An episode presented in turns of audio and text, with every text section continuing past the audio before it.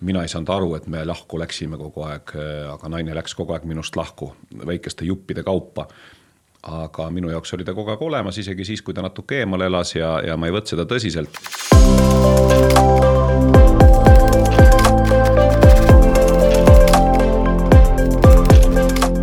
tere, aitäh, et kuulad Eluvisiooni podcasti meie oleme Liis ja Allan, enesekasvu ja paremaks inimeseks olemise platvormi eluvisioon.ee loojad.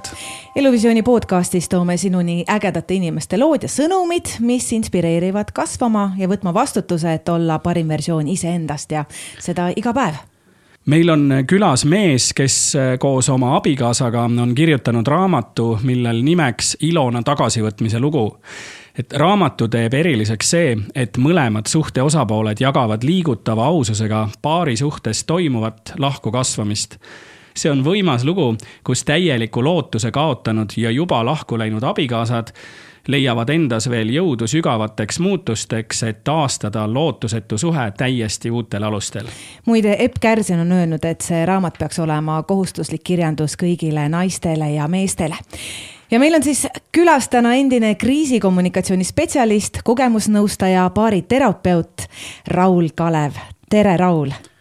tervist ja väga suur rõõm olla teil külas meil samamoodi, tõesti, minu jaoks oled sa väga oodatud äh, saatekülaline ja Allan siin juba mainis ka seda raamatut ja Ilona tagasivõitmise lugu. ja sõna võimas, inspireeriv käib sellega kaasas räägi palun lühidalt lahti see kuulajate jaoks, kes ei ole veel seda raamat, raamatut sirvinud. miks see lahku minemine toimuma hakkas? see oli nüüd neli aastat tagasi, ei neli aastat tagasi sa võitsid ta tagasi. jah, ega me pikalt ei jõudnudki nad lahus olla, me üritasime eh, paari-kolme aasta vältel, ütleme, et vist aus oleks öelda niimoodi, et mina ei saanud aru, et me lahku läksime kogu aeg, eh, aga naine läks kogu aeg minust lahku väikeste juppide kaupa aga minu jaoks oli ta kogu aeg olemas, isegi siis, kui ta natuke eemal elas ja, ja ma ei võtnud seda tõsiselt, aga jah, ütleme, et siis tänaseks neli aastat ja kolm kuud tagasi oli siis see nii-öelda lõplik lahkuminek, punkt. sa oled öelnud, et sa ei olnud just kõige meeldivam inimene, kellega koos elada nagu ikka selliste asjadega vist on see, et, et me meestena oleme küllaltki enesekindlad ja tihtipeale me, meie enesekindlus ei baseeru eriti mitte millelgi ja, ja eks noh, loomulikult me võime enesekindlust saada erinevatest tegevusvaldkondadest, kus, kus, kus see on nii-öelda oodatud ja õigustatud. aga kui me kanname selle üle kogu oma isiksusele ja kui me mõtleme, et kui ma oskan hästi puid raiuda, eks ole, et järelikult ma olen üldse kõva mees. et siis hakkavad tulema need vead ja, ja selgub, et peale puu raidumise või raiumise võib-olla midagi muud väga hästi ei oskagi teha ja kui sa seal oled siis enesekindel, siis sa tegelikult ei ole enesekriitiline, sa ei võta, sa ei märka, mida maailm sulle räägib. ja noh, ütleme niimoodi, et minu naine üritas mulle aastate kaupa rääkida, millega ta ei ole rahul, mis teda kurvastab ja nii edasi ja nii edasi. nii et kui sa küsid, et või ütled, et ma olin, ma olin tegelikult suhteliselt raske ja väljakannatamatu mees ja ma olen seda ise öelnud, siis see vastab kindlasti tõele, aga selles on selline üks huvitav moment et selle, et, et minus on ka ju nagu kaks tõde. et, et siis, kui ma nagu tahan ennast niisuguse enesekindla ägeda mehena vaadata, siis ma ütlen, ma olin tegelikult ikka supermees. aga see hetk, kui ma astun korraks enda nendest superkingadest välja ja astun sinna nii-öelda naise sussidesse ja vaatan ennast siis nii-öelda väljastpoolt. siis ma paratamatult pean ütlema, et tegelikult oli ka üks teine vaade, mida ma endale ei tahtnud tunnistada aga kuidas sa siis jõudsid sinna teise vaateni, mida, mida sa ei, ei tahtnud endale tunnistada? ilmselt minu jaoks, noh, igalühel on see oma teekond, aga, aga ilmselt sa pead nagu läbi käima, äh, läbi käima põrgust selleks, et saada saada aru, et äh, kusagil on ka mingisugused väärtused, millest sa oled mööda vaadanud või, või, või näha, näha vajadust midagi muuta enda elus ja minu jaoks selles mõttes oli põrguks seesama naise lahkumise otsus, paljudele meeste jaoks on see selline mm, eh, punkt, kus, kus maailm variseb kokku, meie identiteet kukub kokku, me vaatame peeglisse, mõtleme, no mis mees ma nüüd olen, kui isegi naine mu juurest ära läheb. ja, ja kuna minul oli see teine pikk suhe, esimene suhe lõppes täpselt samamoodi, ka neljateist aasta peal. ja, ja mul oli mõlemist suhtest lapsed, eks ole, siis, siis ma nagu kui ma esimene kord arvasin, et noh, ma olen ikka kõva mees ja, ja, ja noh, mul on ikka palju õigustusi, siis vaata, kui juba teist korda sama asi juhtub, siis sa ikka mõtled, et siin on mingi muster.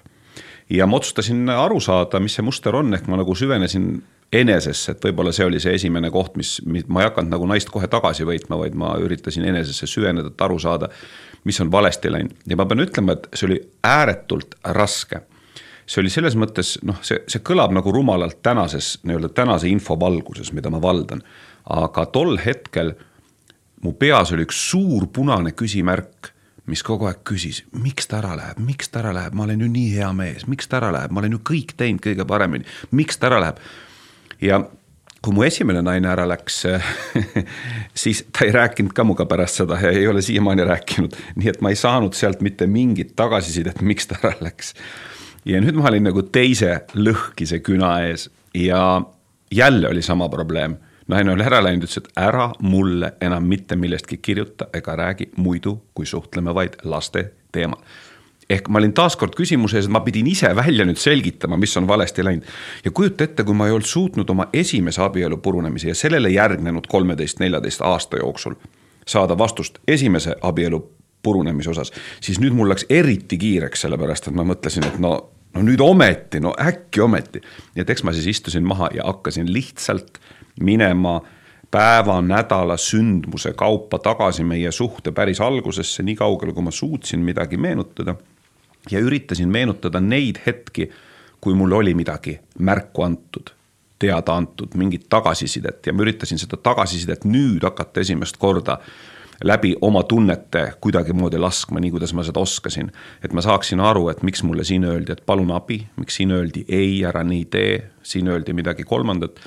ja nüüd ma läksin nagu tükk tüki haaval, ma arvan, et noh, iga päev mingi ühe-kahe sündmuse võrra liikusin nagu vaikselt edasi ja lasin lihtsalt nendel sündmustel enese sees keerelda ja, ja see toimus nagu noh, me võime nimetada, et muidu sa mõtled, et meditatsioon on mingi asi, kus sa lähed lihtsalt, eks ole, ma ei tea, kümneks või minutiks või tunniks ajaks, eks ole, ja, ja üritad leida le,, rahuneda ja leida mingisuguse, mingisuguse uue aspekti eneses, aga minu jaoks ei, ma ei, ma ei mediteerinud, minu jaoks oli võib-olla, ma ütleksin, sellised esimesed kaks-kolm-neli nädalat pärast seda lahutust oli, oli ikka kakskümmend neli tundi meditatsiooni, noh, kui me nii võime öelda, selles mõttes, et ma ei, ma ei lahkunud sellest äh, tõe otsimise hetkest eneses kuidagi ma püüdsin kõike seda tagasisidet võimendada ja ilmselt see, noh, ma ütlen selle kohe ära ja pärast võib-olla te tahate selle kohta täpsemalt teada, aga ma jõudsin sinna punkti, kus ma arvan, et peab jõudma iga inimene, kes tahab ennast muuta.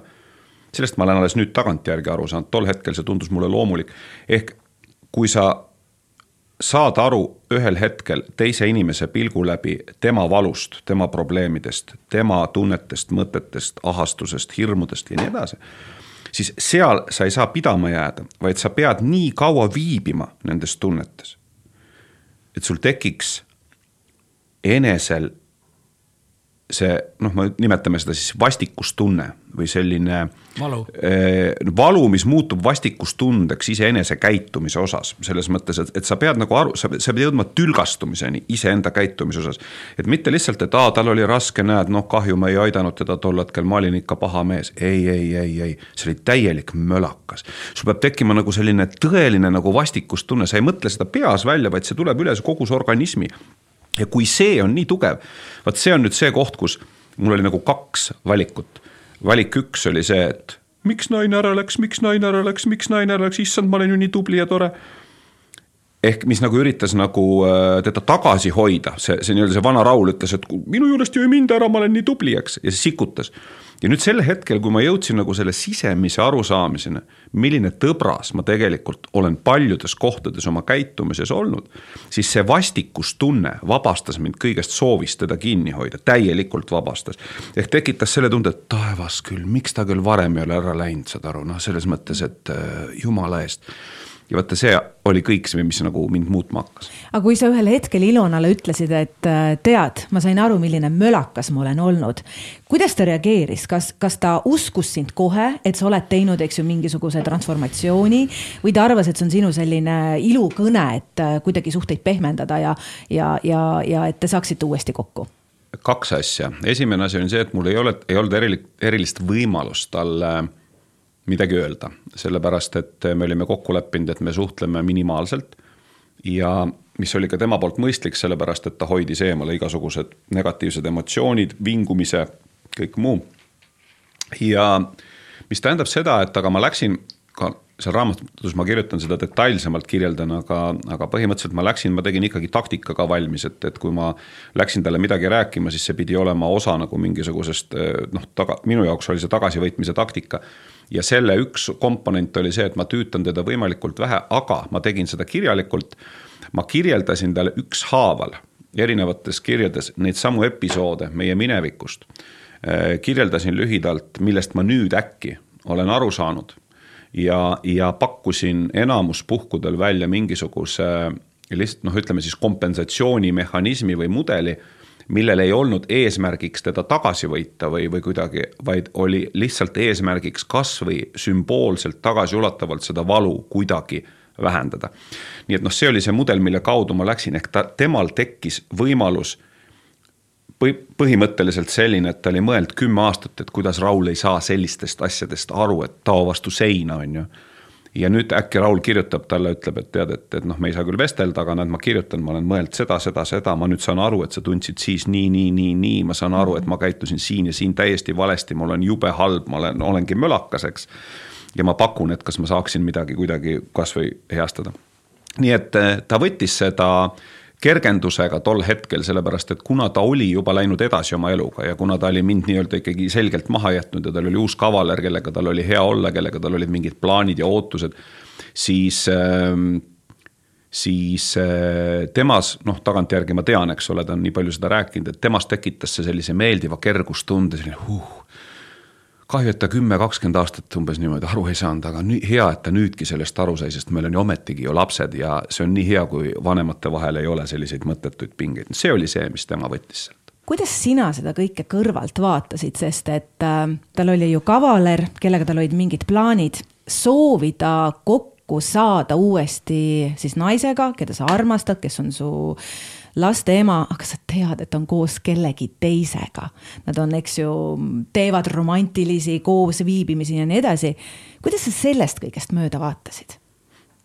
see oli ilmselt otsus, et äh, mul oli kaks võimalust, kas sellele peale vaadata või sellest mööda vaadata ja noh, ega, ega siin ei olegi palju valikuid, et kui sa, tähendab sellest hetkest muutus see sõjaks minu jaoks et, et kui seal oli selles sõjas oli see suur komponent oli see, et ma pidin, pidin ise muutuma, ehk ma pidin ise vääriliseks muutuma, muidu poleks mingit šanssi olnud. siis sellel hetkel, kui ma nagu tundsin, et nüüd mul on see šanss olemas sellest hetkeks oli see sõda. ehk juba see nii-öelda taktika ja planeerimine ja, ja need tegevused, see oli väga detailselt planeeritud kampaania väga,, väga-väga detailselt planeeritud kampaania, mis ka noh, täna tagantjärgi võib öelda, töötas kirjelda seda hetke, kus äh, sa olid äh, selle sõja võitnud või võitmas.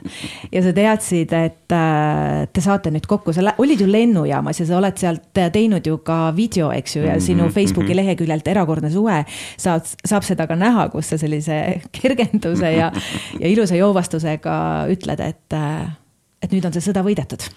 jah ütleme niimoodi, et ma väga-väga lootsin, aga, aga ei olnud ühtegi märki, no oi, päris nii ei saa öelda, olid väga õrnad märgid eh, selles suhtes, et eh, ma liigun selle võidu suunas.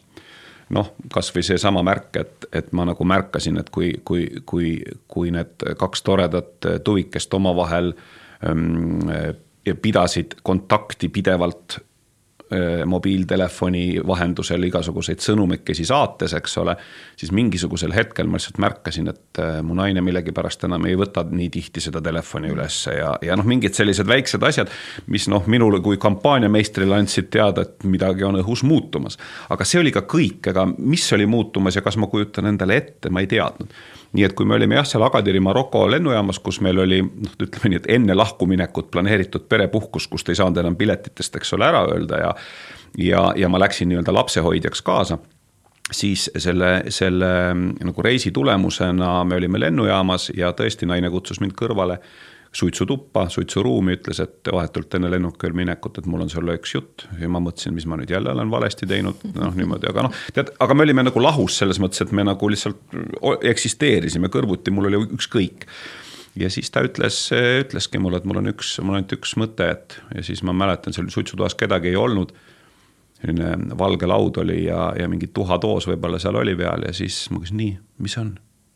siis ta ütles, sa oled võitnud. Mille, mille, mille ma võitnud olen, ma ei saanud mitte midagi aru, mis asja ma olen võitnud, sa oled võitnud, sa oled selle võitnud ja see oligi see, noh, vot sa küsid selle emotsiooni kohta, et noh, see oli selline hetk, kus äh, sa ise ka ei tea, kas uskuda või mitte uskuda. aga ma, ma olin ju selles mõttes ikkagi pragmaatiline inimene, et ma saan ju aru, et, et keegi teda kusagil ju ootab, et, et ja me leppisime ka niimoodi kokku, et see, et sa oled võitnud, tähendab seda, et ta nüüd nii kui lennukist maha läheme läheb äh, nüüd äh, nii-öelda pakib asjad ja läheb siis oma noh vähemalt mõneks päevaks äh, oma kavaleri juurde, eks ole, ja üritab siis vaikselt hakata teda selles asjas, et, et inimesele mitte haiget teha või nagu võimalikult vähe haiget eks see meie jaoks oli veel, ütleme, selline kokku lepitud kuu aega väikest piina võrreldes selle eelnevaga. sa oled öelnud, et äh, armastus suhtes ei ole kõige olulisem. mis siis on, mis teie vahel näiteks Ilonaga on? Ei, tegelikult eks armastus on kõige olulisem, aga, aga võib-olla kui sa siit mõnda minu postitust äh, üritad äh, välja kiskuda natukene kontekstist, nagu ma ka ise armastan teha, siis, äh, siis tihtipeale vaata, kui me räägime armastusest, siis see on üks selline roosa manna, millel noh, me ei saa täpselt aru, mis see on. noh, see on nii nagu ameeriklased ütlevad, et kus see puhkuse ajal läheme, läheme Euroopasse, eks noh, noh, sama täpne, eks ole. ja, ja, ja noh, sa ei saagi aru, eks ole, kuhu nad lähevad, mida nad teevad, mida nad näevad. ja minu jaoks ka ma näen seda, et inimeste jaoks on see armastus, kui ta on koosneb nii paljudest aspektidest, seetõttu tasub ta võtta lahti. ja see, mida ma hiljuti postitasin, kui sa sellele viitad, siis jah, minu jaoks on ülioluline see, et inimeste vahel oleks selline noh, ma ütlen siis imetlus selle kohta, et inimesed tahaksid, vot see on see romantilise suhte alus. ma pean tahtma selle inimesega koos olla, sest ta on nii eriline. ta teeb midagi eriliselt, ta on eriline, ta meeldib mulle, ta vaimustab mind, ta inspireerib mind. tal on potentsiaal, ma tahan seda potentsiaali toetada ja nii edasi ja nii edasi, nii edasi, on see, see on see kõik, et ma olen vaimustatud, inspireeritud sellest inimesest, ma imetlen teda palju räägitakse sellest, et me peame väljendama imetlust. Ja siis inimesed tulevad koolitustele ja no kuidas ma nüüd siis seda väljendan, eks ole. no come on, kõik tuleb ikka alustada sellest, et kas on imetlust või ei ole imetlust, hakkame ikka sealt pihta. No üks asi on ju, Raul, need, on see, et on imetlus, noh, mina naisena väga pean lugu sellest, kui ikkagi need liblikad on kõhus, eks ju, et kas nendest piisab siis, et seda imetlust nii palju hoida, et selle suhte kallal vaeva näha, tööd teha ja, ja õnnelikult koos olla? no ütleme niimoodi, et need liblikad on ju ikkagi, see on siis see tundemaailm ja, ja, ja see tundemaailm võib, võib ju minna üles ja alla sõltuvalt sellest, millised on tujud ja milline on parajasti lumesadu ja ilm, eks ole, meie ümber. aga ma arvan, et see imetlus on sügavam asi kui need liblikad, ma arvan, et see imetlus on tegelikult noh, see imetlus on miski, mida sa ka ratsionaalselt suudad enesele nagu selgitada, sest näiteks kui mina hakkasin oma naist tagasi võtma, siis ega ma, see ei käinud nagu hooga, ma istusin ka ikka päris pikalt maas ja esitasin küsimusi. aga miks ma teda üldse tagasi tahan? kas see on nüüd see, et mul on lihtsalt kaotusvalu, on ju, mida ma üritan siin leevendada kuidagi, mul on üksi olla hirmus mul on identiteedi küsimus, eks ole, et kuidas näed, teised kõik on koos, mina nüüd läksin lahku, ma olen nüüd see mingi nõrk kaotaja. et mis on nagu see küsimus?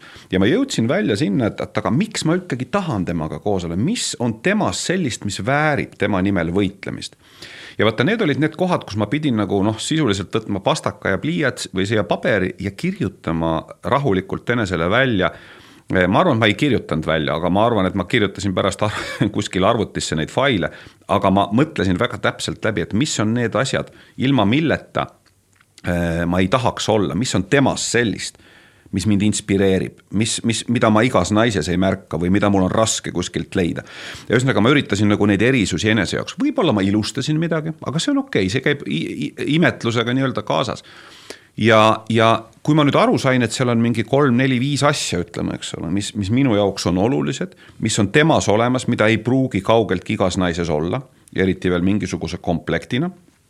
Vot siis ma esitasin omale küsimuse, kas need asjad väärivad võitlemist. nii et vaata, siin minul ei olnud enam mingeid liblikaid, eks ole -hmm. see oli minu jaoks üsna kaine värk, ma sain aru, et noh, tead, tead, tead, see on nii nagu naine vaatab mõnda meest, ütleb, et noh, kuule, see on nii tark mees, ma ei saa küll mitte millestki aru, mis ta räägib. aga ta on nii tark mees, vot selle mehe kõrval tahaks olla, eks noh. aga mis sa sinna kirjutasid näiteks? kindlasti tema positiivsus oli üks mm, -hmm. üks asi, mis, mis on, mis on nagu erakordne tema figuur minu jaoks oli, oli täiuslik. kui rääkida veel nagu sisemaailmast, siis, siis ausus, ma arvan, et mida ma olin õppinud tema kõrval, noh, ta nagu jäägitult aus, mis on tegelikult teinud ka või teinud võimalikuks meile üldse nii kirjutada selle raamatu kui tulla välja. sest kui te loete neid peatükke, siis me ju räägime, räägime asjadest, mida tavalised inimesed oma partneritele ei räägi, eks ole. ja vaata, see ausus on miski, mis on võimaldanud sinna sügavale minna, no mõned mm. asjad, eks. vot sa nimetasid Ilona figuuri, samas oled sa ka kunagi öelnud seda, et sulle meeldivad brünetid, et blondide poole sa ei ole vaadanud. ja, ja just. et aga see, see on ju teatud selline muster ja tihti me teeme ju valikuid, Raul, ka selle arvelt, et noh, täpselt, et mul on mingisugune no mingisugune käekiri kujunenud, et keda ma vaatan. Ja ma viskan kõrvale need inimesed, kellega mul tegelikult potentsiaalselt võiks olla stabiilselt väga hea austusväärne suhe. Just, sellega ma olen sada protsenti nõus, ehk tegelikult need liblikad, mida sa siin ennemgi kirjeldasid, et ongi minu hinnangul või nagu minu kogemuste põhjal ikkagi rohkem toodetud sellest mingisugusest äh, äratundmise rõõmust, eks ole, mis noh, minevikust meid kuskilt kummitab positiivses mõttes ja minu ema on brünett, eks ole, ja mul on kõik esivanemad brünetid ja nii edasi. et tõenäoliselt minu jaoks jah, mul oli nagu blondi naisterahvast äh, mitte raske tõsiselt võtta, ma ei ole kunagi neid alahinnanud, aga mul ei ole tekkinud kunagi sellist äh, nagu tõmmet, eks ole. ja, ja noh, ma olen sada protsenti nõus, et näiteks noh, nüüd ma nüüd hüppan korraks oma loost kõrvale, et kui ma olen siin mehi ja naisi, kes otsivad omale suhtepartnerit natukene koolitanud, siis üks nendest soovitustest, mis ma olen neile andnud, ongi just see, et, et minge oma sellelt trajektoorilt kõrvale. sellepärast, et äh, tihtipeale seal trajektooril on haiged mustrid, mis meid kogu aeg samasse rööpasse kisuvad. aga kui sa, ja see lihtne soovitus ongi see, et kui sa oled siiamaani ainult brünettidega kohtunud, siis nüüd mine võta kolm või viis eh, blondiini, käi igaühega kolm või viis korda väljas, eks ole, lihtsalt vestled, sa õpi neid tundma ja vaata, mis muutub. alguses on uh, issand küll, aga võib-olla viiendal korral avastad selles blondiinis täiesti uued asjad, aga see on juba puhtalt, kuidas me enda nii-öelda neid ajurööpaid üritame ümber kirjutada või natuke ennast peame petma. Ja tuleb endaga kindlasti ka hakkama saada selles, selles osas, et kui hakkabki igav, et kuidagi selle igavuse leveli ületada. ma lihtsalt nagu püüan ennast praegu mhm, teatraalselt mhm, panna mhm. sellesse situatsiooni, et näiteks äh, inimene, kellega võib-olla mul mingisugused jututeemad ei kattu, aga tal on mingisugused muud väärtushinnangud, eks ju, mis kõike seda toetavad, et kuidas ma siis selles situatsioonis annaksin talle veel teise või kolmanda kohtingu võimaluse kogu see kogune tänapäevane see kohtingu elu ju on nagu, nagu selle Brigitte Hundi äh, seebiooper, eks ole. ja, ja äh, noh, see on see selles mõttes me kohtume inimesega, vaatame, kas tekib tunne, eks ole, kas te, tekivad liblikad ja siis järgmine, ülejärgmine kord, oleneb, kaua meil nagu kannatust on, me lähme voodisse temaga. ja, ja ja sellega on põhimõtteliselt meie tundmaõppimine lõppenud, võiksime siis niimoodi nimetada, võiksime nagu suhtele joone alla tõmmata, sest mees on saanud, mida ta tahtis, naine sai ka põhimõtteliselt seda, mis ta tahtis. ja nüüd mõlemad nagu ühel või teisel kombel relax ivad, eks ole, ja aga kui sa nüüd lähed, hüppad nagu tagasi ajalukku ja mõtled, et meil on siin olnud erinevad religioonid, mina olen täna Marokos islamikultuuris, eks ole, aga meil on olnud kristlik kultuur, mis on suhteliselt sarnased oma nende raamide osas, mida on perekonnale peale pandud siis abielu ähm, eelsed noh, nii-öelda suhted olid ju keelatud, noh, me ütlesime, et see kõik on jama, on ju. aga täna me ju teame selgelt seda, et sellel hetkel, kui naine noh, nii-öelda annab järgi mehele mis siis juhtub? esimene asi on see, et naises endas pärast esimest seksuaal, seksuaalkontakti hakkavad nais, naise enda keha hakkab tootma hormoone, mis seda kiindumust, eks ole, suurendab ja tekitab, ehk naine hakkab klammerduma mehe külge. mees saab oma esimese rahulduse kätte, tema saab noh, nii-öelda paugu lahti, aga tema huvi selle naise vastu, kes see naine on, miks ta selline on, mis tema sees veel on peale selle, mis meil täna öösel kogesime. see ju kukub kohe automaatselt selles mõttes, et seal ei ole nagu midagi. sa pead väga teadlik olema, et hakata seda uuesti nullist üles ehitama. ja nüüd ma vastan sinu küsimusele oma pika jutuga, on ikkagi see, et, et sa küsisid, et, et äkki meil ei olegi millestki rääkida. vaata, see on nüüd seesama küsimus, et kui sa pärast seda esimest vahekorda oled ja naine hakkab nagu äh, seda kiindumust üles kruvima, on ju, ja mees enam toru ei võta, eks ole, ja sõnumitele ei vasta. siis on seda palju raskem äh, teha kõike seda, mida me soovime elus. et see kõik peaks toimuma enne, see kättesaamine peaks olema minu hinnangul nii raske, et see mees pingutaks saaks teada, huvituks ja kui tal on piltlikult öeldes raamat läbi loetud, siis me hakkame alles rääkima nagu, nagu koolitunnis, siis me hakkame alles rääkima nendest tegelastest. mitte nii, et ma lugesin ühe lause ja sain teada, et seal on tegelane, kellel oli kõht tühi ja nüüd ma räägin sellest kogu aeg. oletame, et ma olen oma elukaaslasega olnud koos, ma ei tea, viis aastat, võib-olla kümme aastat ja kõik on nagu nii, nii tavaline ja kuidagi põhimõtteliselt saate aru, millest ma kirg räägin. on kadunud. et kirg, kirg on kadunud. et kas sul on mingisuguseid selliseid äh, nippe või, äh, või mingisuguseid samme, mida siis äh, mehena teha ja mida siis naisena teha? no põhimõtteliselt on siin ikkagi seesama kuldsed, kuldsed reeglid, ma ei hakka siin midagi leiutama, ehk sa pead nagu hakkama tegema neid asju, mida sa tegid siis, kui see kirg oli üleval. Ehk sa pead nagu minema tagurpidi suunas, kui ennem oli tunne ja siis tulid teod, siis nüüd sa pead tekitama teod, lootes, et tulevad tunded. ja see on raske. Eh, see võib tunduda mitte aus enese vastu, sest ma ju ei tunne, kuidas ma siis ütlen talle, et ta on kena inimene, kui ta mulle tundub kole. või noh, mis iganes, aga, aga midagi ei ole teha, et see on nagu ikkagi selles mõttes sa pead selle, sa pead tekitama nüüd selle noh, ütleme Pavlovi, Pavlovi koera efekti, kui me mäletame, siis insener Pavlov mm, elas siis sada aastat tagasi ja sai isegi Nobeli preemia. Ja, ja Ivan Pavlov oli tema siis. Ja, ja tema siis sellise Pavlovi efekti nii-öelda mõtles välja, kus siis ta pani koera äh, alguses anti koerale, toodi iga päev toitu kindlal kellaajal ja siis äh, koeral hakkasid, suu hakkas vesistama, eks ole, ja siis, kui see suu oli pikalt juba vesistanud, siis ühel hetkel hakati koos toidu toomisega ka sihukest helihargi heli talle andma, mingit kindlat tooni, mille ta ära tundis ja meelde jättis. ja siis ühel hetkel jäeti toidu toomine ära ja märgati, et koer, koera süljenäärmed hakkavad tööle ainult selle heli peale iga kord. ehk see on seesama mingi nii-öelda pettuse moment, aga selle kui me toome selle, tõstame selle näite nii-öelda oma paari suhtesse, siis see tegelikult tähendabki sedasama, et me peame tootma tegevusi, mis on positiivsed inimesele. kui inimesele need tegevused meeldivad, siis inimene hakkab üha rohkem neid eh, nii-öelda märkama, seostama sinuga. ja kui tema hakkab neid sinuga seostama, siis tema nii-öelda energia, positiivne energia pääseb valla ja noh, siis hakkab juba see energiaringlus pihta nii et see on kõige lihtsam. aga siia ju Raul vahel võib vahele tulla siis päris elu tööülesanded, lapsed, mingisugused sündmused ja ma olen väsinud, ma olen tüdinenud, ma vajan seda üksi olemise aega. no mul ei ole alati ju mahti võtta nüüd neid tegevusi, et siis seda kirge ikka kuidagi tekitada, vaid ma võtan enesestmõistetavalt, et see inimene on minuga ja ju ta siis ka jääb. me võtame palju asju iseenesestmõistetavalt, et me ostame omale auto ja siis sõidame taga, eks ole, ühel hetkel aasta või pooleteise pärast me avastame, et ossa vana jänes, eks ole, tähendab kuskilt midagi lagunes ära, oleks võinud hoolduses käia, oleks võinud midagi teha, et igas asjas on tegelikult ju need elemendid, me ei saa unustada. paarisuhte noh, nii-öelda terapeudid annavad erinevaid hinnanguid, et kui palju me peaksime võtma partneritena üksteise jaoks seda jagamatut aega iga nädal ja mina kaldun nende ja oma praktika tõttu ma just äh, kaldun nende hulka, kes ütlevad, et seda võiks olla kuskil vähemalt viisteist tundi nädalas. mis on umbes, äh, kui sa selle seitsme päeva peale, sa, sa ei pea iga päev võrdselt seda tegema, aga, aga et kui sa selle ära jagad, see on natuke üle kahe tunni päevas.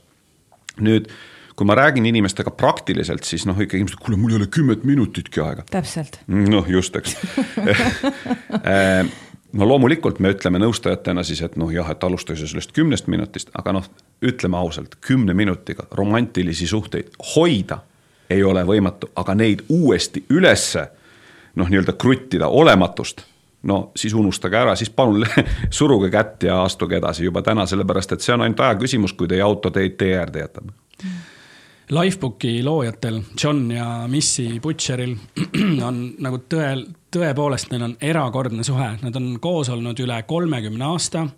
Neil on neli last ja nad ütlevad, et äh, paarisuhte kõige-kõige tugevam strateegia on iganädalane ööbimisega date. et kuidas, kuidas tundub? ja see tundub sellised nii-öelda see dating ute moment. no natukene on nüüd siin kahte asja, siin on nagu üks asi on see, et, et ühtepidi me soovitame ka ju paaridele seda, et, et kirjutage asjad kalendrisse, sellepärast et kui te neid ei kirjuta kuni selleni välja, et millal meil on vahekord ja kaua see kestab, eks ole.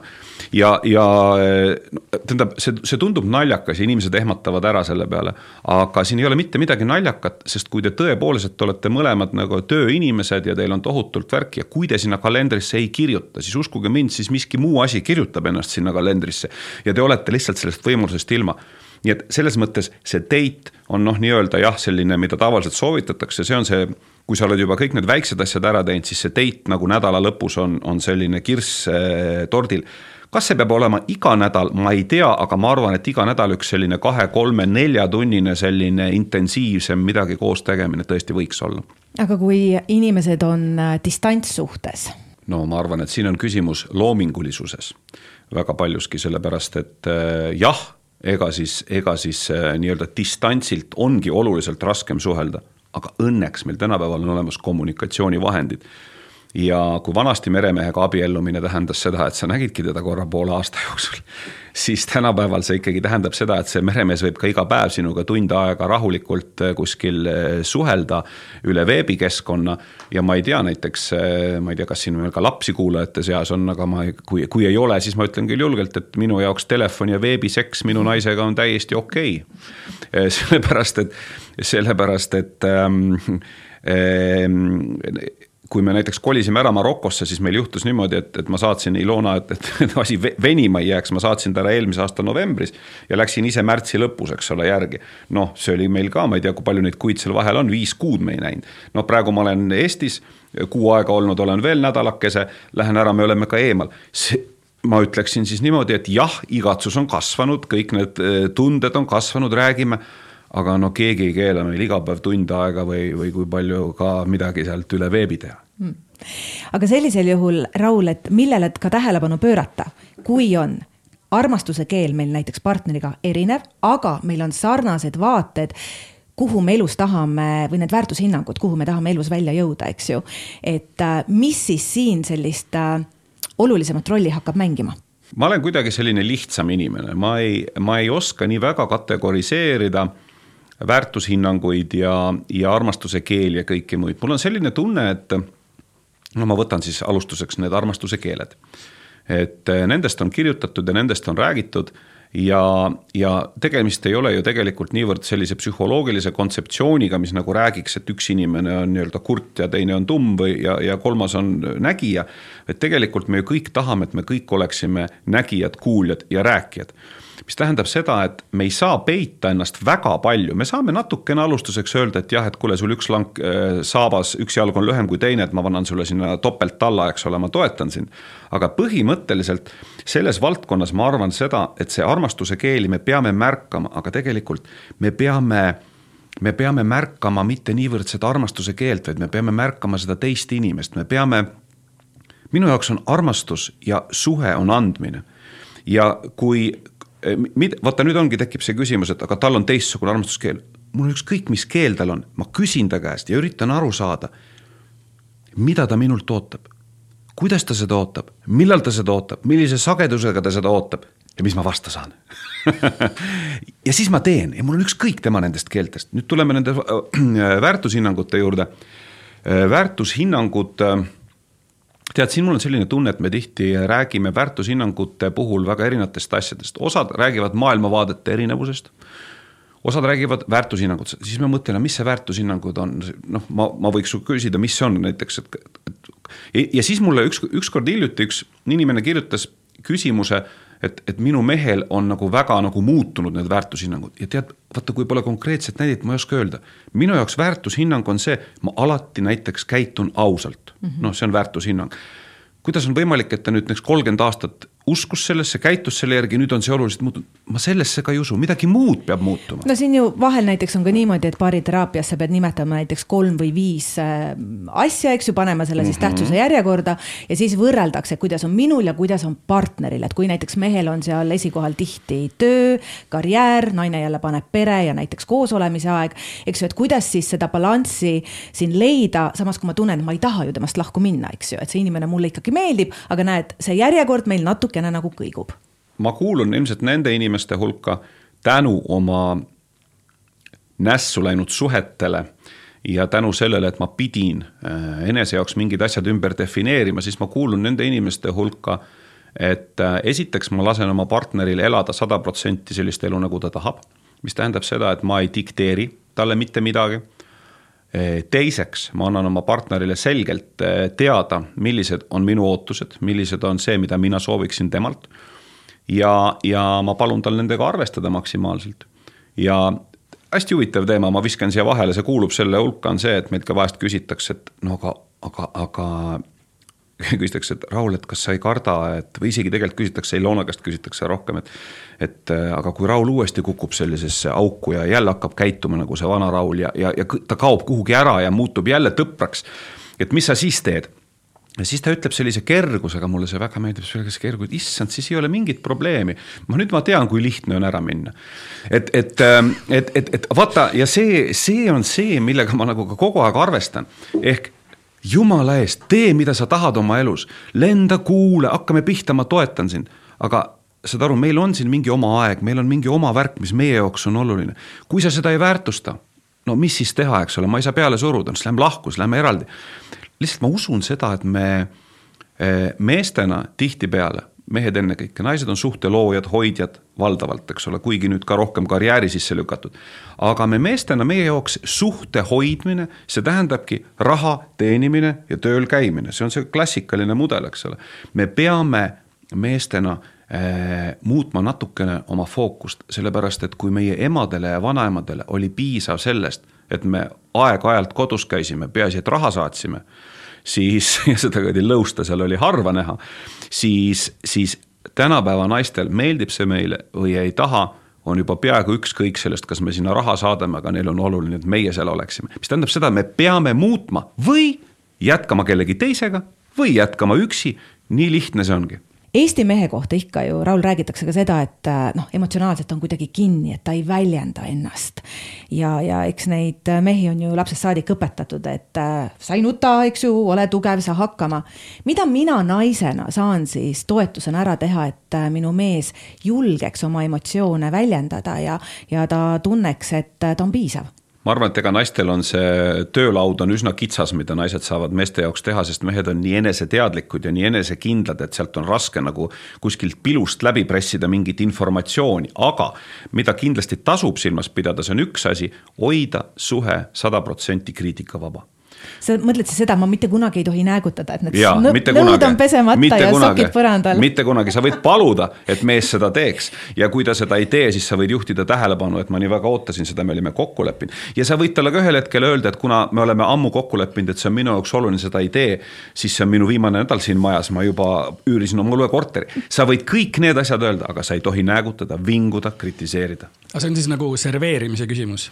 see on valdavalt serveerimise küsimus, sest et noh, on olemas nii-öelda selline asi, mida psühholoogid kutsuvad passiiv-agressiivseks käitumiseks, mis tähendab, mis on kõige hullem ja suhteid hävitav. see on see, et ma ei ütle, mida mida sa tegid valesti, ma ei ütle, mida ma sult ootan. ma ei räägi sinuga nagu ausalt ja otse, vaid ma räägin üle nurga, nojah, tulid nüüd koju jälle, noh, kas nüüd siis tead, jäid nälga, nad sealt mujalt ei saanud enam, nüüd pidid koju otsima tulla, lõpuks leidsid ukse üles. et vot see on see, mis, mis tapab kõik ära, eks ole, et seda ei tohi ju see näägutamine tuleb ju meie eeskujudest, meie kodudest, eks ole, nii et selles mõttes, kui meil ta kodudes oli, siis ta on valdav ja kui teda kodusest, kodustes, kodudes ei olnud, siis ei ole valdav.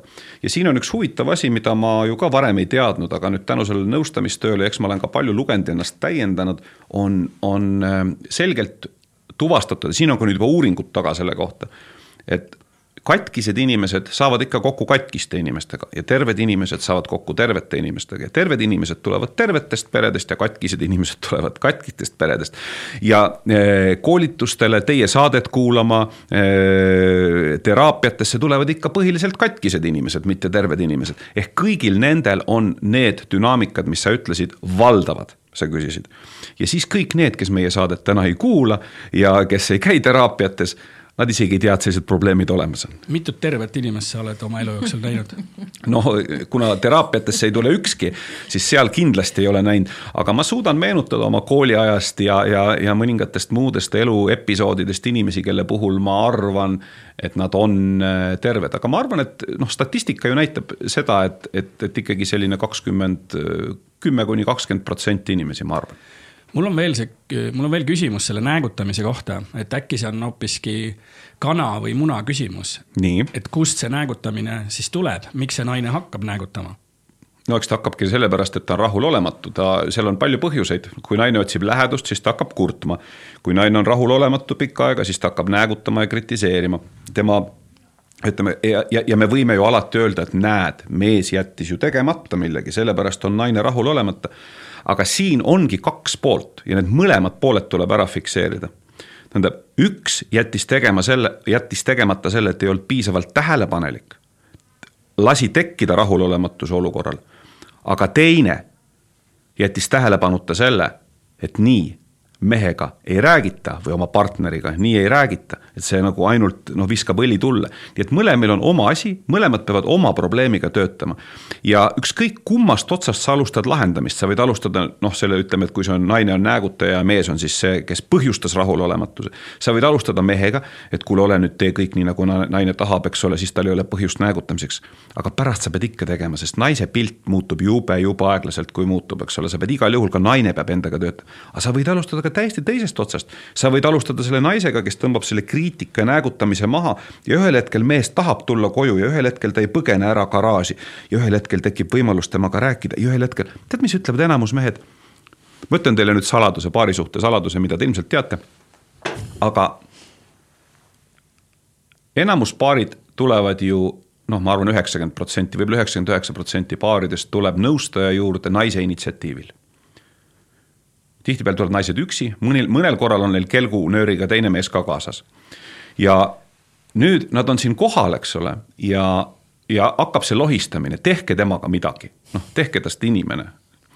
ja, ja siis me nagu väga tihti me tõstame selle naise nagu, vähemasti mina teen seda, tõstan nagu teise ruumi ja räägin mehega üksi. siis ma küsin, et kellena sa ennast selles suhtes tunned, on ju, annan talle mingisugused valikud ja ma ütlen niimoodi, et enamus mehi selles suhtes tunnevad ennast oluliselt madalamalt kui kelgunöör või, või uksematt või, või, või koerarihm või, või midagi sellist. Nad tunnevad ennast täiesti väärtusetutena. ja nüüd ma küsin, miks naised tõid nad sinna, sest naised tahavad, et mehed oleksid, võtaksid vastutuse, oleksid initsiatiivi näitavad kuidasmoodi selline inimene, kes on nii maha tambitud enese silmis, kuidas ta näitab initsiatiivi, võtab vastutust, ta ei tee mitte midagi, ta ainult lohiseb kaasa. ja vot siin on see probleem, mis tuleb ära lahendada mõlemalt poolt. kuidas no eks niimoodi tulebki, et, et naistele tuleb selgitada sedasama, et, et eh, sa ei pea temaga elama. aga kui elad, siis kriitikavabalt, ta on täiesti vaba inimene vabal maal ja, ja, ja nii ongi ja sa võid talle rääkida, sa võid talle selgitada, sa võid teda paluda, sa võid rääkida talle oma tunnetest, mis sulle meeldib ja mis sulle ei meeldi. aga sa ei saa hakata nii-öelda tekitada temas olukorda, et ta enam koju ei taha tulla, tähendab eh, noh, see on välistatud. ja muide, mehed muutuvad siis on meestele vaja lihtsalt teadlikkust anda. sest vaata, ma olen nüüd aasta aega teinud seda meestegruppi, mis meil täna just nagu lõpetab. ja selles meestegrupis noh, päris mitmed mehed ütlevad niimoodi, tead ma olen kakskümmend viis aastat abielus. see, mis sa praegu räägid, ma kuulen seda esimest korda. miks keegi mulle varem ei ole seda rääkinud? mis tähendab seda, et see teadlikkus on nii madal ja kui meestest tõsta teadlikkust, kuidas käituda ja kui naistest tõsta teadlikkust, kuidas käituda, siis tegelikult need probleemid kukuvad ise ära, see ei ole üldse raske kas äh, sinu juurde on tulnud ka mehi, kelle siis see teadlikkus tõuseb, nad kuulevad mingeid asju esimest korda, et nad saavad aru, et nende eneseväärikus on olnud siin kusagil madalam, madalamal, see tõuseb. Nad lähevad koju ja nad muudavad oma elu sada kaheksakümmend kraadi, nad lähevad selle naise juurest ära ja hiljem näiteks ütleb, et Raul, aitäh, et sa kuidagi avasid minu silmad ja andsid mulle siis nii-öelda elu tagasi võib-olla päris täpselt sellist ei ole, aga mis on üks selline huvitav näide, mis natukene sellega haakub, on see, et äh, kui naised saadavad mehi koolitusele ja näiteks seesama meie jõulumeeste challenge on üks selline, kus umbes pooled mehed on tulnud nagu, nagu naiste tõukamisel, siis äh, naiste esimene ootus on see, et nüüd, kui mees sealt koju tuleb, siis noh, vägev, tõstab nad noh, ühesõnaga täiesti. nüüd midagi sellist ei juhtu. Esimene asi, nad märkavad ja ütleme kuu-kahe pärast, et mees on palju tähelepanelikum ja noh, kõik sellised väiksed asjad, neid hakkavad märkama, ütlevad, kuule, ma ei oleks uskunud ja nii edasi. aga kuskil kolmandal-neljandal kuul, noh, see on nüüd keskmiselt, hakkavad naised mulle ütlema, et kellega mul on kontakt et kuule, mees on kuidagi väga eneseteadlikuks muutunud, kui ta ennem ei julgenud suud lahti teha, nüüd paneb vastu kogu aeg. ütleb, ma tean, koolitusel öeldi, nii ei pea, eks. Ja naised tunnevad, et initsiatiiv, mida nad lootsid, et noh, nii-öelda kõik muutub, siis tegelikult mehed tõstavad pead. Ja siis naised on puhta hädas, sellepärast et noh, seda nad küll ei lootnud, nad arvasid, et mees hakkab nüüd rassima, eks ole, mida noh, palju kiiremini kui varem ja see on nüüd nagu normaalne protsess, ehk vaata, ma ei saa mehele ainult õpetada, et võta vastutus oma elu eest ja muuda ennast. ma õpetan talle ka, kuidas tema jaoks on piirid, kuidas ta ei lase endaga käituda ja nii edasi nii edasi. kui minu naine minu peale häält tõstab või, isegi meie kodus häält tõstab mida ta aeg-ajalt teeb, sellepärast et keeb üle. siis ma olen talle selgelt öelnud, et mulle see ei meeldi, sa tead seda. viisteist minutit, ma ei räägi sinuga, viisteist minutit, kui sa tõstad häält üle teatud detsibillide, siis ma lihtsalt ei räägi seda, anna mulle andeks, aga nii on, et see, see võib tunduda algselt naisele šokina, et issand, me viisime mehe koolitusele, nüüd paneb veel suu ka kinni, eks. aga tegelikult see on see, et me peame mitte ainult andma, vaid me peame oskama ka ennast kaitsta ja tegema seda väärikalt ja lugupidavalt teise inimese suhtes. see on siis nagu piiride paikapanemine ja piiride selgitamine teineteisele? jah, et need hädavajalikud piirid, kust ma tunnen, et ma ei taha kus mul on valu ja ebamugav, need on igal inimesel eri koha peal, vot selle koha pealt ma ei taha sind enam üle lasta ja ma annan sulle selgelt sellest teada, kus see piir on. Ja kui sa ikka jätkad seal piiri peal tammumist ükskõikselt või tähelepanemata, siis ma ühel hetkel ütlen, et sorry see on liiga valus koht minu jaoks, siit me enam edasi ei lähe. no mulle endale tundub, et üks valdkond paari suhtes, kus võib-olla on keeruline piire seada, on näiteks äh, seksuaalelu, eks ju, kui, kui mina võib-olla soovin olla intiimne nädalas mitu korda, minu partneri jaoks ei ole see oluline, samas mina ei tohiks ju näägutada ja öelda, et miks me jälle õhtul kaisus ei ole ja nii edasi.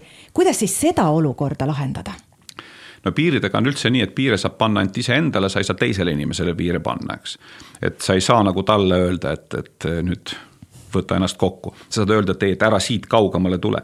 mis tähendab, et selle seksuaalnäite puhul sul on nagu, sinu piir võiks olla pigem see, kui sa ei taha üldse seksida, eks ole, sa ei saa, sul on valus, sul on ebamugav, sul on mingisugused halvad assotsiatsioonid, seda tihtipeale juhtub ja siis, aga mees nii väga tahab, eks ole, tahab kümme korda päevas ja iga päev. noh, siis on nagu selge probleem, mis teil on ja, ja siin on nagu küsimus tõesti, noh, see on, vot see on nüüd teraapia küsimus, sellepärast et siis tuleb juba hakata ravima. siin sa ei saa lihtsalt öelda midagi, vaid siin tuleb välja selgitada, miks ühel on valus, miks on ebamugav. ja küsimus on ka teisel, miks ta nii, miks ta nii palju tahab, mis tal viga on. ja, ja siis sa hakkad tegelikult lähed, sest tihtipeale noh, seksuaalsuse puhulgi see väljendub, selles väljenduvad meie mingid muud puudujäägid, meie mingid muud impulsid, soovid ja tihtipeale on neid võimalik, noh, ma toon ühe näite, see polnud küll minu praktikast, see oli ühe teise Ameerika terapeudi praktikast, aga, aga, aga ta andes, andis siis, ütleme, seal oligi täpselt selline lugu, et naine ei tahtnud, ei saanud ja oli valus, eks ole. ja, ja, ja mees tahtis kogu aeg hästi palju ja kõik oli hästi.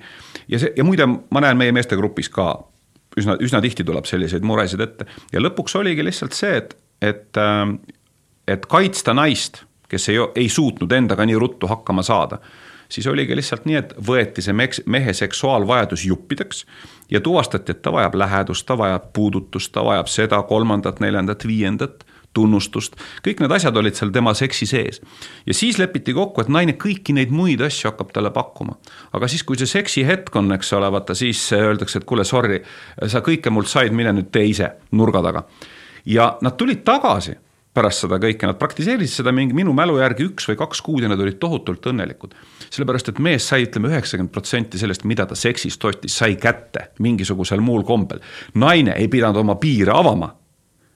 ja kokkuvõttes asi toimis edasi üks teema, mida sa oma Facebooki lehel oled ka välja öelnud, on see, et äh, me tegelikult peaksime inimesse suhtuma nii, nagu me läheksime väga olulise inimese vastuvõtule. kui me tuleme koju, siis tegelikult me ei peaks panema dressipüksid jalga, katkine T-särk selga, oled seal diivani peal, tunned ennast mugavalt. ma ei usu hästi seda, et sina igal õhtul oma kodus oled nii-öelda mõnusasti välja peetud ja sellist väga-väga-väga mugavat ja, ja lohvakat äh, Rauli ei, Ilona ei näe ei, ta näeb kindlasti ka lohvakat Rauli, aga, aga võib-olla küsimus ei olegi isegi selles noh, nii-öelda välises, selles, et kas meil on nüüd dressipüks või viigipüks jalas. see on, see on nagu, aga, aga te, eks see suhtumine nagu on natukene midagi muud ja no see suhtumine on pigem ikkagi see, et, et ma arvan, noh vaata, naised ju ma ei tea, kuidas sina, aga, aga üldiselt äh, näiteks kui ma võtan vene naised, keda ma tunnen võib-olla rohkem natukene kui eesti naisi, siis noh, vene naised igal juhul ka kodus, mitte küll kõik ja mitte enam tänapäeval alati, aga üldiselt on see hea tava, et nad ikkagi teevad omale näo pähe, nad teevad ennast korda, nad on, sest nad tahavad ka enese jaoks olla head. ja noh, sama me võime soovitada meestele selles samas asjas ja siis, kui sa oled oma partneriga, ehk sa ise tahad olla oma parim versioon täna iseendast. ja nüüd ma tahan ka, et minu partner näeks minu parimat versiooni, siis meie peas see on see, kas mind kummitas pikka aega, oli see, mis meestele eriti meeldib, ma pean olema autentne, ma pean olema loomulik, ma ei tohi valetada iseendale. kõik see, aga kuidas sa ei valeta, no see ongi siis on katkised püksid, eks ole, see õllepurk, vot siis ma tunnen, et seda ma tahan päriselt teha, no miks sa tahad öelda, et ma pean keegi teine olema vaata, ei peagi olema keegi teine, aga sa peaksid iseenesest leidma üles selle teistsuguse iseenda. selle iseenda, kes kuidagimoodi suhestub maailmaga, mitte ei tõuku selle maailmaga. ja ma arvan, et see on see põhiline sõnum kui me saame ju esimest korda kokku, me lähme kohtingule, meil on see planeeritud, sa ju teed endast parema versiooni. sest me tahame teist võita, me tahame saada tema maksimaalselt positiivse tähelepanu ja nüüd, kui me oleme suhtes, siis meil nagu tundub, et ta on meil käes. meil tundub, et enam meil ei ole seda vaja. aga me teeme ühe vea. tegelikult me läbi kontrollimise, läbi igasuguste muude tegevuste üritame siis kompenseerida seda, mida me iseenda meeldivaks mitte elamise kaudu tekitame. ehk me oleme muutume üha nõmedamateks, vastikumateks, igavamateks partneriteks ja samal ajal kellega sa seal rääkisid, kellega sa seal rääkisid telefonis, kas ma va-, ma, ma olen, vaatan ka su sõnumeid. vot läheb nagu sinnakanti, aga kui me hoiame selle fookuse sellel, et ma ei ole igav töll vaid püüan olla oma partneri iga päev huvitav, meeldiv, nii nagu esimesel kohtul, siis me ei pea tema telefoni käima kontrollimas. aga see ebakindlus ju paljuski võib tekkida ka sellest, et noh, mulle endale tundub, et tänapäeva suhtemaailm on ikkagi väga vildakas. väga raske oleks täna olla vallaline, sest et ähm, sellele potentsiaalsele partnerile siis, eks ju, talle meeldib näiteks sinuga reisil käia, sinuga käia kinos, restoranis ja siis sa arvad, et teil justkui nagu on midagi siis ütleb, et mm -hmm. aga ei, ma tegelikult mulle ei meeldi ennast pühenduda või, või nii-öelda mm -hmm. suhtesse astuda, et okei okay,, aga mis me siis nagu oleme et miks ta nagu ka selliseks ühelt poolt on no, muutunud? tarbimis, meil on tarbimisühiskond ja, ja me ju ikkagi tarbime ja mehed tarbivad eriti, et, et seda on ka, seda on ka ju mõõdetud ja seda psühholoogid ütlevad, et ikkagi mehe armastus ja naise armastus on kaks erinevat ooperit. mees paratamatult, nii nagu mehed huvituvad rohkem asjadest või ütleme, et peamiselt asjadest ja naised inimestest, siis kui mees satub inimeste keskele ja huvitub naisest, siis ta su suhestub rohkem temasse kui asjasse, mitte midagi ei ole parata. ta on harjunud samamoodi, nagu ta ostab poest uue maki või auto või midagi, ta tarbib teda mingisuguse hetke, tema mõte nagu, tema mõistus töötab kuidagi teistmoodi. ja nüüd, kui sa tood selle laiema pildi, et me elame tarbimisühiskonnas, siis, siis me olemegi nagu noh, saad aru, me vahetame kõik asjad, mis ei tööta kogu aeg uute vastu. ja, ja teine asi on, mis on minu arvates ääretult äh,, kuidas ma ütlen, no ääretult raske ületada, on see, et kui partnerid tulevad minu juurde ja ütlevad, et Raul, et ma ei ole nõus olema sellises suhtes, kust ma midagi ei saa. ja ma olen ju teoreetiliselt nendega nõus, et me kõik peame saama, aga see vaatepunkt on täiesti kardinaalselt vale. ehk kui sa ütlesid, et talle meeldib minuga reisida, minuga seda teha, kolmandat, siis ta tegelikult tahab minuga ainult magustoitu süüa. aga kui ma ütlen talle, et aga nüüd käärime käed üles, eks ole, hakkame kartulit võtma, siis ta enam ei taha osaleda selles operatsioonis, selles mõttes oma käsi mustaks teha. ja nüüd on küsimus, aga miks, sellepärast et kogu tema fookus on saamisel, kogu tema fookus on saamisel ja jagamisel, selle ilusa asja jagamisel. see on täiesti vastuolus iga paarisuhte toimimise nagu pikaajalise toimimise mehhanismiga, eks. et ei ole ainult nii, et mehed on sead ja mehed midagi ei oska ja mehed midagi ei tee, vaid äh, me tihti ise naistena rikume need mehed ära ja siis oleme õnnetud, kurdame ja ütleme, et palun aidake meid jah, vot see on nüüd see koht, kus ma ei tahaks eksida, eks ole, et, et tahaks ju, tahaks ju öelda nagu asjad on, aga ei taha kellelegi haiget teha, aga, aga viimasel ajal või noh, ütleme siis niimoodi, et mitte haiget teha ja olla natuke diplomaatilisem.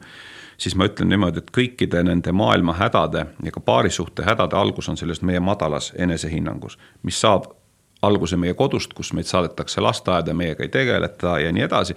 ja meil tegelikult on kogu aeg selline tunne, et me vajame väljast midagi selleks, et olla keegi, eks. ja me tegeleme kogu elu selle madala enesehinnangu ületamisega, igaüks omal viisil ja nüüd probleem ongi selles, et sellel hetkel, kui me läheme suhtesse nende madalate enesehinnangute peal, sellisel hetkel me ei lähe suhtesse andma, vaid me läheme kompenseerima seda oma, oma tühimikku. ja niikaua, kuni see tühimik seal on, niikaua me õigustatult tunneme, et meile kuulub see, meil on õigus selleks, me vajame seda, ta peab meile seda andma ja nii edasi ja nii edasi. ja vot nii ongi kõik nässus, ehk tegelikult, kui nüüd päris aus olla, seda ma ütlen välja, paari suhteks inimesed kellel on madal enesehinnang, ei ole küpsed, ei ole sobilikud üleüldse. ainult terve enesehinnanguga, terve minapildiga inimene on üleüldse noh, igasugustest suheteks, aga eeskätt paarisuhteks sobilik, ülejäänud kõigile tuleb öelda stopp, stopp, minge nüüd tegelege, õppige. mul on küsimus enesearmastuse kohta, et äh, millal enesearmastus võib nagu muutuda äh, nartsissismiks ma arvan, et siin on nüüd selline äh, probleem, et tegelikult enesearmastus ja nartsissism on kaks erinevat asja. ja, ja peamiselt selle tõttu oli mingi periood, kui arvasti, et arvati, et, et kui inimene liiga palju ennast armastab, siis, siis see ongi noh, ta muutubki nartsissistiks aga kui nüüd vaadata lähemalt, siis tegelikult nartsissismiga seesama algne legend ei olnud ju mitte see, et inimene ennast vaatas, vaid ta vaatas oma peegelpilti, kus ta vaatas, vaatas vees, nägi oma peegelpilti ja see peegelpilt hakkas talle meeldima. ehk tegelikult, mida nüüd inimene, ta mitte ei armasta iseennast ja ei hooli ennast, vaid teda huvitab teiste inimeste pilk, et teised teda näeks, et teised teda armastaks, tal on oluline, et see peegelpilt, mida ta näeb, ütleks talle, et, et ma olen teiste silmis kõige ilusam. see on see, mis muudab inimese nartsi-, ehk ta on tegelikult egotsentrik, keda ei huvita, kes ei suuda samastuda teiste inimeste tunnetega, ja sellepärast, et ta arvab, et ta on maailma naba, eks ole. nii et ütleme nii, et see ei ole nüüd päris see klassikaline enesearmastus, aga see on pigem see, et, et, et ma olen teiste jaoks number üks ja kõik peaksid tead noh, mind nägema mingisuguse noh, tänapäeval me räägime kuningannana või kellegi kolmandana sa võid enese jaoks olla kuninganna, sa võid käituda kuningannana, sa võid seda teha, aga sa võid seda teha väga õigesti ja alandlikult, aga see, kui sa teed seda nagu teistpidi, et nii, ma sellega olen nõus, ma olen siin kuningann, siis sa tegelikult otsid seda mingisugust välist ja sa ei ole kunagi oma seda, seda madalat enesehinnangut tegelikult suutnud päriselt nii-öelda terveks ravida, sa ei ole, sinu sees ei ole usku, et sa oled midagi väärt seda endiselt ei ole, sa paaniliselt vajad ikkagi, et keegi sulle seda väljast annab. Raul, kui ma käin autoga regulaarselt äh, hoolduses, kas siis profülaktika mõttes kasvõi käia paari nõustaja juures, isegi kui ma arvan, et meil on kõik hästi? kui vaadata, mis toimub nagu Ameerikas, kus toimub siis, siis jah, see on vajalik, see on selles mõttes, see on kallis lihtsalt, selle ainukene häda on see, et see on kallis. sellepärast, et, ähm, et aga, aga noh, ütleme nii, et see, see kolmas pilk, professionaali pilk mingisugustel eluperioodidel mingisuguste teemadega süvitsi tegeledes tegelikult meid aitab, sest see maailm meie ümber, no see kõlab nagu negatiivselt, aga no ma ütlen, ta on paljudes asjades täiesti äraspidine. ehk need signaalid, kuidas käituda, mida me saame väljastpoolt on nii valed signaalid, et me vajame justkui nagu oma aju loputust mingisugustel hetkedel ja sel, siin see teraapia nagu töötab või et, et sa saad mingisuguse kaine kolmanda pilgu, mille peale sa ise võib-olla oma igapäeva tegemistes ei tule. aga kuna ta on kallis, siis noh, enamasti inimesed jõuavad sinna ikkagi ainult siis, kui, kui on nagu viimasest viimasem häda ja kuus aastat mööda sellest hetkest, kui oleks pidanud alustama. no enamus jõuavad vist suhtenõustajate juurde liiga hilja, vist öeldakse, et vot ma nüüd ei mäleta peast, aga, aga. viis aastat liiga hilja. viis aastat liiga hilja. ja mul äh, tekkis kohe, et aga mis on kallis, kas kallis, kas, kas, kas kallis on minna baarinõustaja juurde või suhtenõustaja juurde eh, või mulle tundub, et lahutus on hoopis kallim? Äh, inimeste jaoks ei ole niipidi.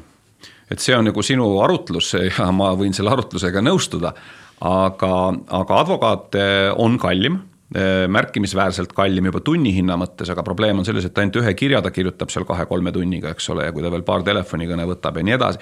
et selles mõttes inimesed ei saa aru sellest, et kui nad lähevad lahku ja nad hakkavad neid lapsi ja kõiki majandama siis kui nad lähevad, ma räägin, kuidas see käib, see läheb niimoodi, et sa lähed advokaadi juurde, ütled, et sul on selline probleem, sul on seda, mida sa tahad, see on see olukord, siin on minu vajadused. ja siis ta teeb sulle kalkulatsiooni näiteks poole aasta peale, ütleb sulle niimoodi, et poole aasta peale näed, siin läheb meil need kirjad, need värgid, kogemuse järgi näed, see läheb meil kokku kolmkümmend kuus tuhat pool aastat niimoodi.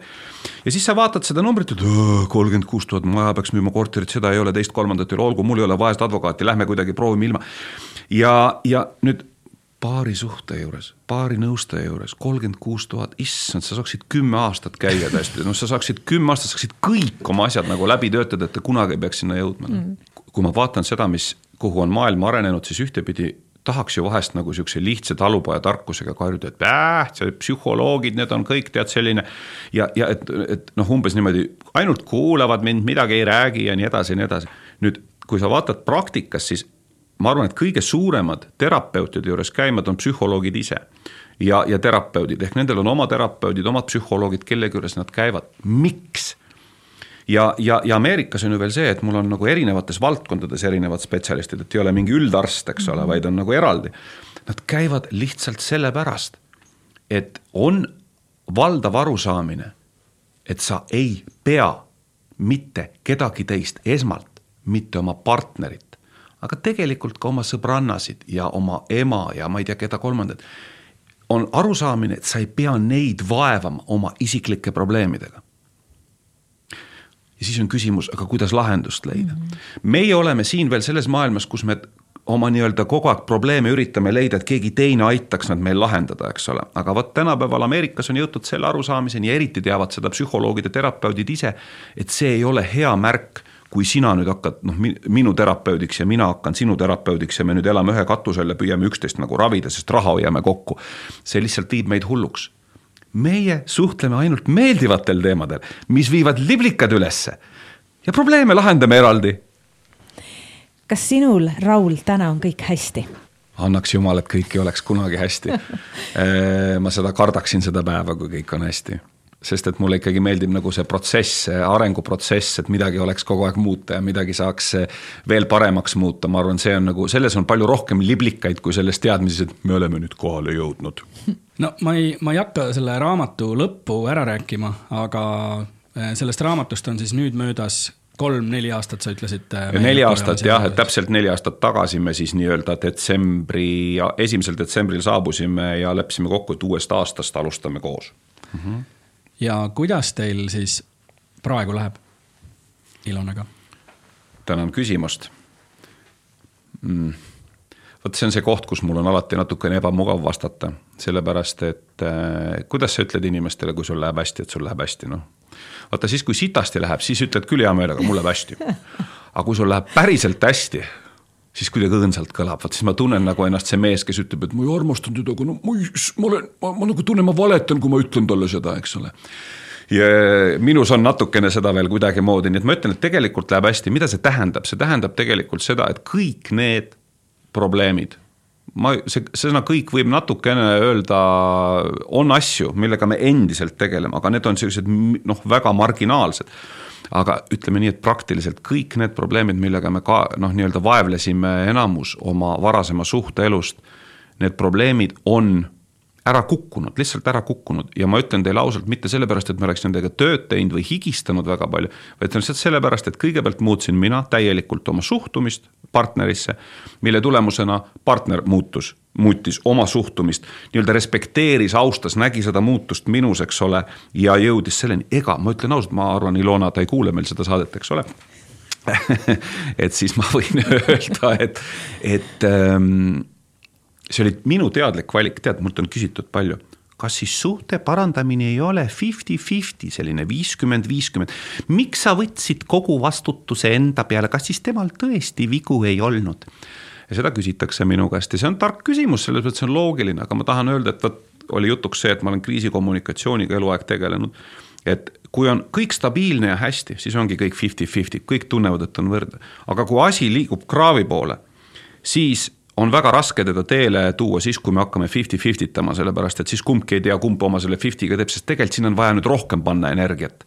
ja nüüd on hästi oluline, et keegi võtaks vastutuse, mis see tähendas, see tähendas seda, et mina muutsin täielikult iseennast, võtsin naise pealt maha kõik pinged ja kõik tema need miinused, vead, probleemid, ma jätsin need tähelepanuta teadlikult, lootes, et ta jõuab nendeni üks päev ise ehk alguses ma võtsin kogu suhte oma õlule, oma muutusega ja nüüd need viimased neli aastat on olnud tegelikult see, et mu naine on siis noh, tulnud samm-sammult, eks ole, järgi, ehk ta on andnud ka, ta on, ta on teinud ka enesest need vajalikud muutused, ilma et me praktiliselt sellest oleksime pidanud rääkima sinu nii-öelda uus elu, uus algus äh, algaski siis neli aastat tagasi, eks ju, uuel aastal. mida sina ütled meie kuulajatele, kes siis ka loodavad, et aasta kaks tuhat kakskümmend kolm paarisuhte osas äh, tuleb nende jaoks võib-olla üks paremaid aastaid? no ärge seadke illusioone, sest et äh, kõige suurem viga, mis te võite teha, on noh, nii-öelda lükata probleemide lahendamise mingisugusesse järgmisse kaugemasse ühikusse. Äh, probleemidega tuleb alustada ja silma vaadata täna ja kohe praegu ja kui te seda täna ei tee, siis aasta kaks tuhat kakskümmend kolm suure tõenäosusega tuleb veidi hullem kui see, mis oli kuna me oma podcast ides ka püüame anda inspiratsiooni ja me seda ka teeme, siis kindlasti lugege Raul Kalevi raamatut Ilona tagasivõitmise lugu.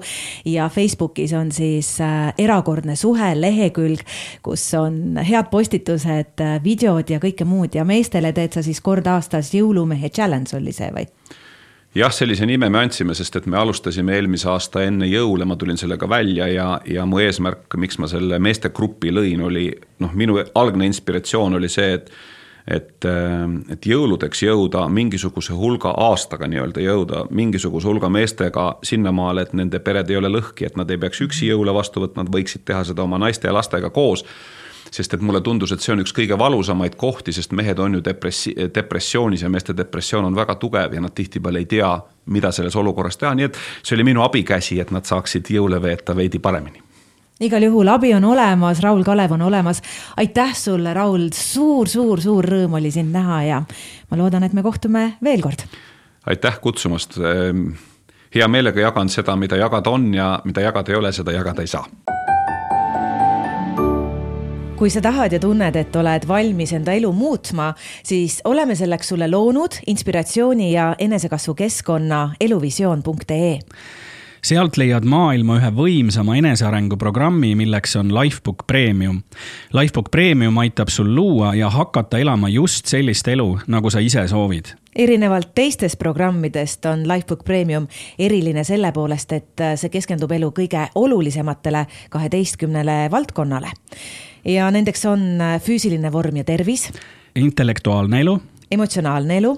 iseloom. spirituaalne elu. armastus ja romantiline suhe. lapsevanemaks olemine. sotsiaalne elu. raha.